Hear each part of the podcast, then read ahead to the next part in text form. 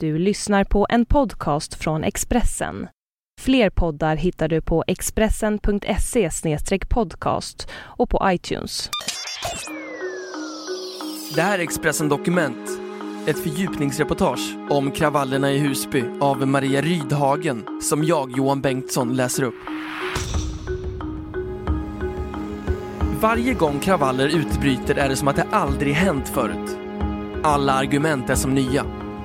Förklaringar och teorier prövas som om det var första gången. Men våldsamma upplopp är inte nytt i historien och det kommer att hända igen. När vi har stadsdelar där människor är socialt inlåsta, då kommer det här som ett brev på posten, säger Håkan Törn, professor i sociologi vid Göteborgs universitet.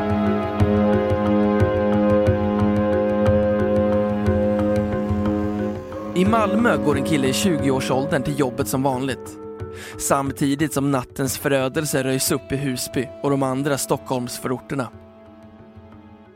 För fyra år sedan var han själv med och kastade sten.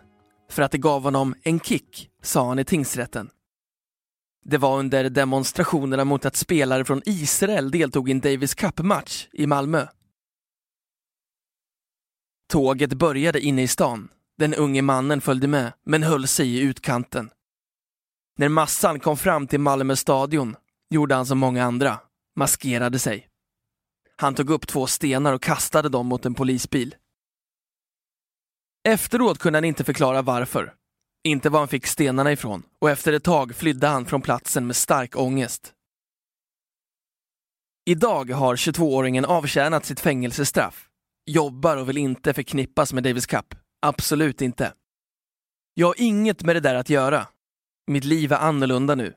Jag vill inte bli intervjuad. Det ger mig bara problem, säger han. I Stockholms förorter är det inte tid för eftertanke ännu. Varje morgon vaknar invånarna till mer förstörelse. En nedbränd skola, krossade rutor, bilvrak längs gatorna. Vissa forskare menar att risken är stor att andra svenska orter kan stå näst i tur.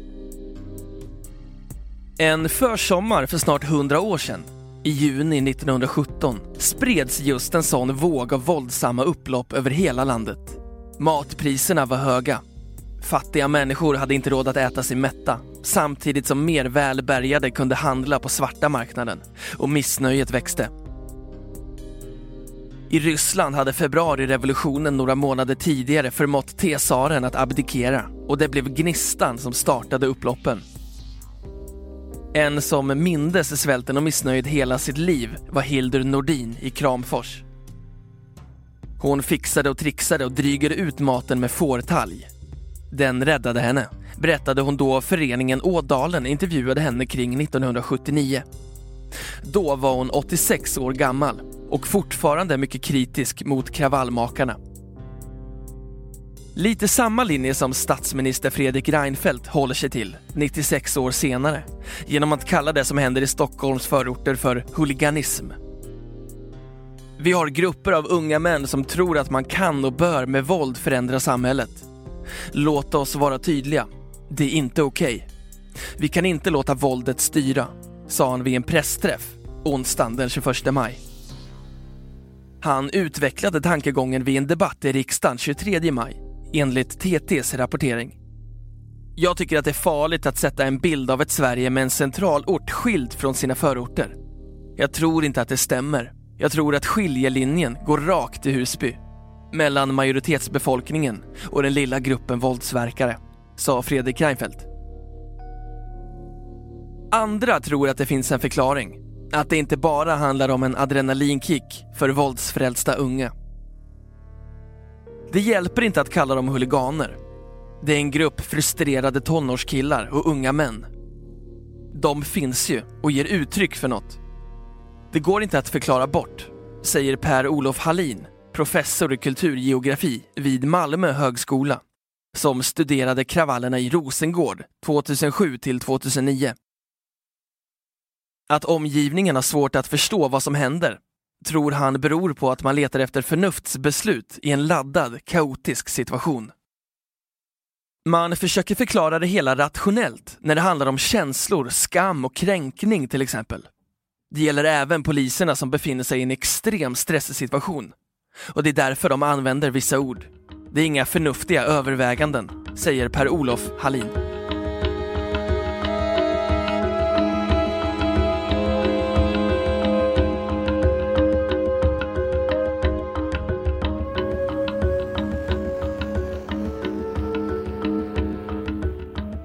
Våldsamma upplopp har förekommit under flera hundra år som något som kan bryta ut när en stor folkmassa samlas. Men dagens kravaller är annorlunda. Det visar en granskning som Myndigheten för samhällsberedskap, MSB, gjorde för två år sedan. Kravaller uppstår idag på fler arenor. Istället för att vara koncentrerade till stadskärnan, som Hötorget i Stockholm eller Möllevången i Malmö, är det förorten som är platsen för revolten. Även fotbollshuliganer slåss numera på helt andra ställen än läktarna och ibland flera dagar före eller efter matchen. Personer, byggnader och föremål som inte har med missnöjet att göra attackeras. Brandmän utsätts för stenkastning och linjebussar förstörs. Också detta är ett nytt beteende. Dessutom är dagens våld grövre, enligt forskarna vid MSB. Den bedömningen delar författaren Birgitta Stenberg, 81 år, som var med under Berzelii-kravallerna i Stockholm 1951. Det var inte alls så fientligt. Folk kom åkande från hela landet för att titta. Det var lite spännande. Ingen hatisk stämning. Det var mer som teater. Från början var det heller inga hårda poliser. Det kom senare, säger hon. Hennes kompis Tore Jonsson, fotograf och son till författaren Eivind Jonsson, blev slagen i huvudet av en polis med sabel. Det var undantag, enligt Stenberg. Bakgrunden till kravallerna var krigströtthet, missnöje med att ransoneringen inte upphörde vid krigsslutet och en allmän tristess. Det var så tråkigt i Sverige på den tiden. Nu var det något som hände, säger Birgitta Stenberg. Hon följer självklart med i rapporteringen från Husby. Och en del känner hon igen från 1951. Det var en kurragömmalek med polisen. Samma sak sa en kille på radion nu. Polisen kommer när vi tänder på en bil. Jag tror det är tillbaka till samma känsla av tristess. Och så stänger de allting numera. Den här regeringen, säger hon. Nu så här i efterhand kan Birgitta Stenberg ana politiska grundtoner i Berzelii-kravallerna. Bilbränderna till exempel. Det kan ha handlat om fattigdom. Folk hade inte alls råd med bil som nu. Men ingen talade om sådana saker på den tiden. Vi hade klarat oss bra i kriget och skulle bygga det nya Sverige, säger hon. Politiska sajten Megafonen, baserad i Husby, anser att det nya Sverige i 2013 års version är satt på vänt i förorten. Samhällsservice även utanför city, jobb och utbildning är några av kraven i Megafonens program.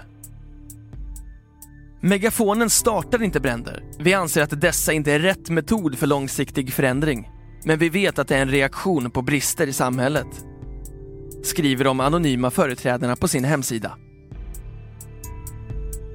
Husbyborna var tidiga med att uppmärksamma fenomenet renoviction, menar Håkan Törn, professor i sociologi vid Göteborgs universitet. De närmaste åren kan miljonprogrammen vänta sig kraftigt höjda hyror efter att deras hus upprustats. En dimension av den sociala segregationen är att staten drar sig tillbaka från de här områdena. Samhällsservicen är nästan obefintlig. Nu kommer renoveringen och hyreshöjningar som en extra faktor, som är ganska tung.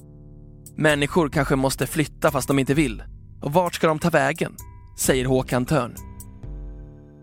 Han utesluter inte att några destruktiva unga tycker att det är skoj att tända eld på bilar. Men upploppen är också ett mönster som övriga samhället bör analysera och lära sig av. Om man höjer hyrorna i miljonprogrammen med 65 procent och bara låter det hända, då har vi jättestora problem framför oss, säger Håkan Törn. En vecka efter att den första bilen i Husby brann släppte Malmöbaserade mångfaldsföreningen Mine en rapport om hur bland andra IKEA, SCB och Kriminalvården mångfaldsutbildar sin personal för att förändra rekrytering, kundmöten och kommunikation. Bakgrunden är en arbetsmarknad som utestänger vissa. Exempelvis visar forskning att en Fatima har 50% lägre chans att kallas till jobbintervju jämfört med en Frida, även om båda har lika meriter. Det är klart att det skapar en enorm frustration som är svår att helt förstå. Till exempel för mig som är vit medelklass. Många har svårt att fatta vad som händer i Husby just nu. Det beror på att vi är ovana vid att se vilken makt vi själva har, säger kommunikatören Ida Gunnarsson. Ida Gunnarsson märker stort intresse för mångfaldsfrågor från näringslivet. Man ser att det ger pengavinster, säger hon. Håkan Törn hoppas på en dialog mellan politiker och förortens organisationer, Megafonen i Husby till exempel. Men om inga initiativ tas, då kanske Stockholms framtid ser ut som Paris, Atens och Londons, med återkommande kravaller. Under efterkrigstiden och fram till för ett par år sedan såg vi inga sådana här upplopp i Sverige. Vi hade inte heller den här typen av djup segregation. Den har uppstått som ett resultat av de senaste decenniernas nedskärningar och ökade sociala klyftor. Och då kommer det här som ett brev på posten, säger Håkan Törn, professor i sociologi vid Göteborgs universitet.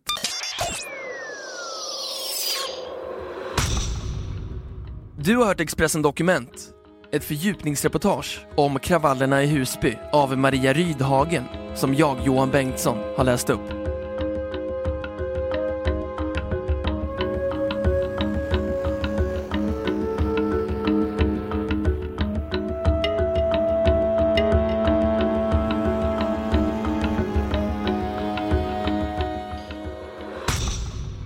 Du har lyssnat på en podcast från Expressen. Ansvarig utgivare är Thomas Mattsson. Fler poddar finns på Expressen.se och på iTunes. Ett poddtips från Podplay. I podden Något Kaiko garanterar östgötarna Brutti och jag, Davva, dig en stor dos skratt. Där följer jag pladask för köttätandet igen. Man är lite som en jävla vampyr. Man har fått lite blodsmak och då måste man ha mer. Udda spaningar, fängslande anekdoter och en och annan arg rant. Jag måste ha mitt kaffe på morgonen för annars är jag ingen trevlig människa. Då är du ingen trevlig människa, punkt. Något Kaiko, hör du på Podplay. Därför är gardinerna.